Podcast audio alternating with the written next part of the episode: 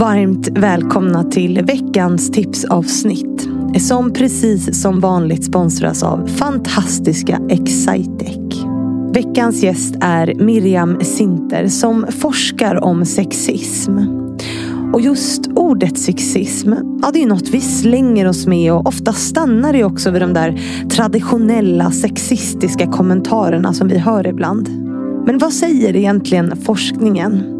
Hur ger den sig uttryck och vilka effekter har den?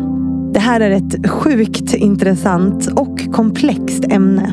Och eftersom vi vet att kunskap är makt och grunden i att förändra så är det också enormt viktigt. Därför är jag så glad att Miriam ville gästa podden. Och vet ni att när vi hade spelat in i nästan en timme så insåg jag att vi kommer inte hinna avhandla allt inom ramen för ett poddavsnitt. Så istället för att göra ett enormt långt sånt så bestämde vi oss för under inspelningen faktiskt att Miriam skulle komma tillbaka en gång till för fortsatt samtal.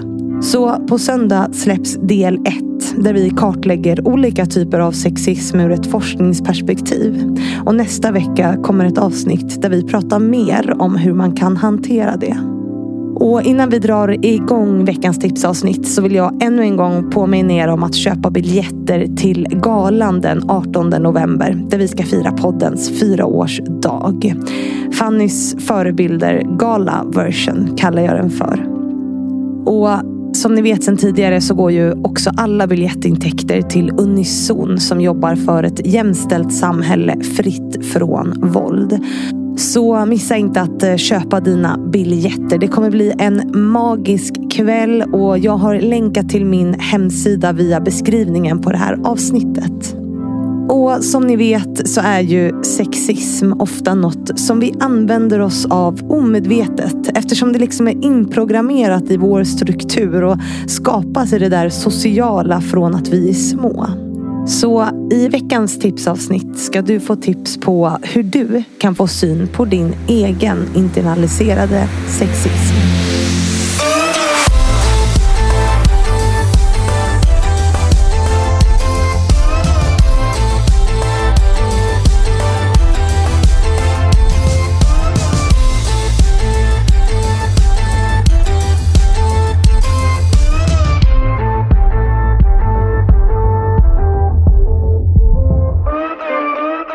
Varmt välkommen Miriam, nu ska vi testa igen här. Zinter. Zinter. Zinter, ja det är tyskt. Jag vill, eh, Miriam Center är ju, men det är ju helt fel. Du, det är varför vi har sagt vi heter Zinter frisk och inte friskt Zinter. För ja. att om du ska säga så, det blir det. Ja, friskcenter. Exakt. Ja, ja, okej. Okay. ja, precis.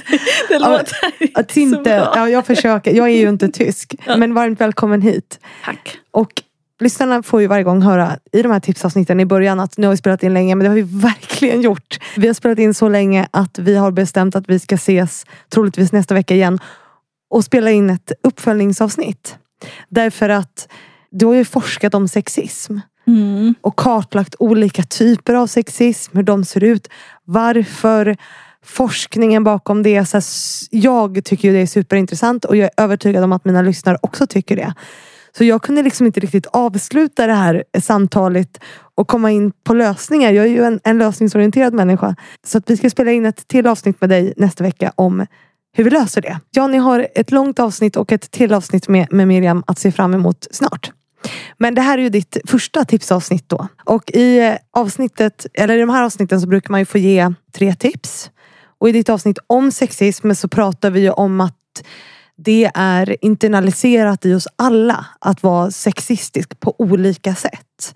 Lite beroende på social miljö, var vi kommer ifrån. Du har studerat det här ur ett socialpsykologiskt perspektiv. Så att det här korta tipsavsnittet, där ska du få ge tips på hur man får syn på sin internaliserade sexism. Så jag lämnar över scenen till dig. Ja, så ja, hur får du syn till din internaliserade sexism?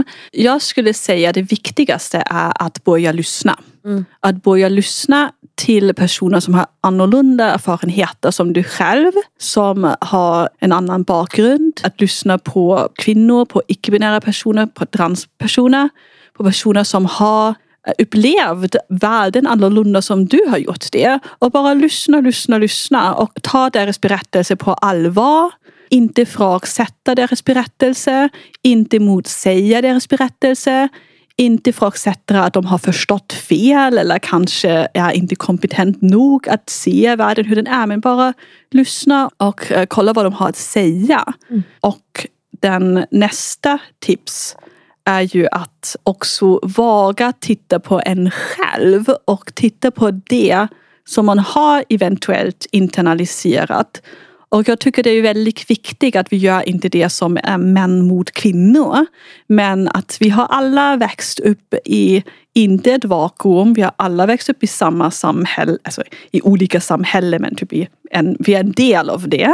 Mm. Och därför har vi också alla lärt oss vissa strukturer, vissa normer som vi har kanske inte ifrågasatt, som vi tar bara som givna. Och det är väldigt viktigt att, att våga kolla på det som berör kanske ens djupaste troende eller attityder. Mm. Och våga kolla på det, vad det kan ha för effekter på andra personer jag tycker just nu, eftersom det är ju väldigt un, alltså unpopular eller unvoke att vara sexistisk. Det vi är ju ett, um, ett miljö som det är mer och mer önskansvärt att inte vara det. Alltså det kan ju vara extra hårt kanske att erkänna att man har internaliserat det. Vi vill ju inte vara egentligen, alltså som mesta vill ju inte vara sexistiska. Och det kan ju vara svårt att ja, men att erkänna det för en själv, att man har vissa attityder, vissa syn som man har internaliserat. Um, och det kan kräva lite mod att kolla på det och kanske också fråga någon. Alltså, jag vet nu min, min svärpappa till exempel, han frågar mig alltid, har jag varit sexistisk nu? och jag säger ju Ah, ja, lite.